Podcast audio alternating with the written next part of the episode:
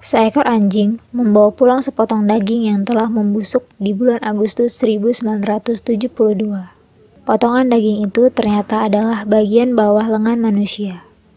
Apa yang sebenarnya terjadi? 7 Agustus 1972, Janet De Palma yang berusia 16 tahun pamit kepada ibunya untuk pergi ke rumah seorang teman. Janet kemudian meninggalkan rumahnya di Clearview Road di Springfield Township New Jersey. Menurut ibunya, anak perempuan itu pergi dengan naik kereta. Tetapi, sampai hari menjelang malam, Janet tak juga menampakkan diri, membuat orang tuanya khawatir. Apalagi ketika teman yang dimaksud Janet akan dikunjunginya itu mengaku bahwa ia sama sekali tidak bertemu dengan Janet pada hari itu. Orang tua Janet segera melapor pada polisi.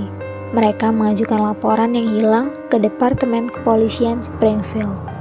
Enam minggu kemudian, seekor anjing yang berjalan di hutan dekat rumah Janet di Springfield, New Jersey, Amerika Serikat, berlari kembali ke pemiliknya. Mengejutkan apa yang dibawa anjing itu, anjing itu membawa sepotong lengan manusia di mulutnya. Kondisi lengan itu sudah sangat rusak dan membusuk. Pihak berwenang segera dihubungi dan mulai melakukan pencarian dengan anjing pelacak di sekitar tambang Howdale dekatnya. Tambang tersebut berada di daerah berhutan di mana pemilik anjing itu mengatakan bahwa daerah itu adalah di mana anjingnya suka berkeliaran. Dan tidak membutuhkan waktu lama, akhirnya pihak kepolisian menemukan jasad dari lengan yang ditemukan anjing tersebut tergeletak di atas sebuah tebing berhutan di dekat tambang yang memiliki nama agak aneh, The Devil's Teeth atau gigi setan. Penemuan mengerikan yang dilakukan anjing itu menyebabkan polisi mendapatkan petunjuk tentang sebujur mayat remaja putri yang telah hilang enam minggu lalu. Siapa lagi kalau bukan Janet De Palma. Mayat Janet ditemukan di punggung bukit yang dikenal sebagai Bukit Gigi Iblis. Menurut keterangan beberapa saksi mata yang ada di tempat kejadian, sisa-sisa kerangka dan jasad Janet yang tak lagi utuh dikelilingi oleh benda-benda aneh benda-benda itu kemungkinan besar terkait okultisme.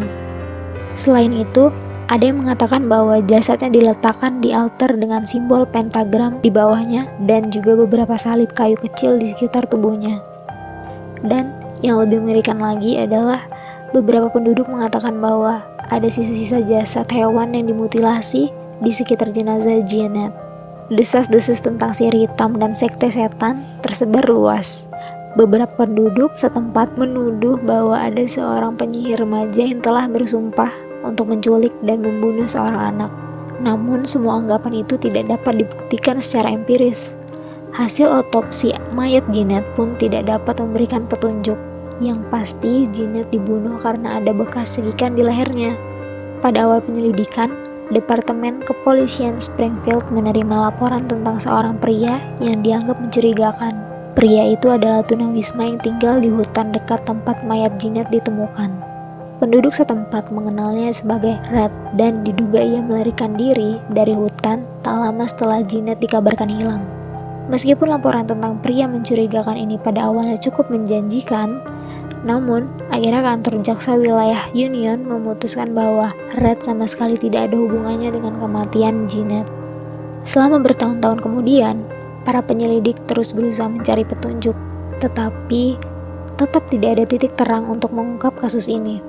Selain itu pula, proses penyelidikan mengalami kesulitan karena keterangan yang tidak konsisten yang diceritakan oleh teman-teman Jinet. Kasus ini kemudian mengalami kebuntuan dan tidak terpecahkan selama puluhan tahun lamanya. Pada akhir 1990-an dan awal tahun 2000-an, sebuah majalah bernama Weird Engine melaporkan kasus ini untuk pertama kalinya setelah tak terdengar lagi selama beberapa dasa warsa. Redaksi majalah rupanya telah menerima beberapa surat anonim terkait kematian Janet. Editor dan co-founder Weird NJ, Mark Moran, kemudian mulai menyelidiki kasus ini. Ia menulis tentang banyak rincian yang diduga mencurigakan, termasuk di antaranya adalah Tuduhan bahwa Departemen Kepolisian Springfield sebenarnya telah sengaja menghancurkan file kasus Janet De Palma. Departemen Kepolisian Springfield sendiri menyatakan bahwa file kasus tersebut sebenarnya telah hilang saat terjadi badai dahsyat yang melanda Amerika pada September 1999.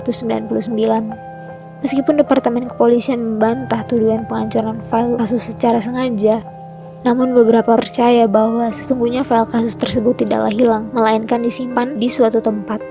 Entah apa alasan dilakukan hal tersebut, tetapi jika hal itu benar, berarti ada sesuatu yang sangat besar di balik kasus pembunuhan Jeanette Palma yang melibatkan orang atau sekelompok yang sangat berpengaruh. Meskipun ada banyak detail dan laporan kasus yang telah hilang, namun penduduk setempat yang dimintai keterangan mengenai kasus yang terjadi tahun 1972 ini menolak untuk berkomentar atau mendiskusikan kasus ini. Mereka seolah sangat takut dan enggan mengingat pembunuhan mengerikan yang sampai saat ini pun tak terungkap. Oke, sekian podcast kali ini. Tetap jadi orang penasaran dan jaga kesehatan. See you on the next podcast.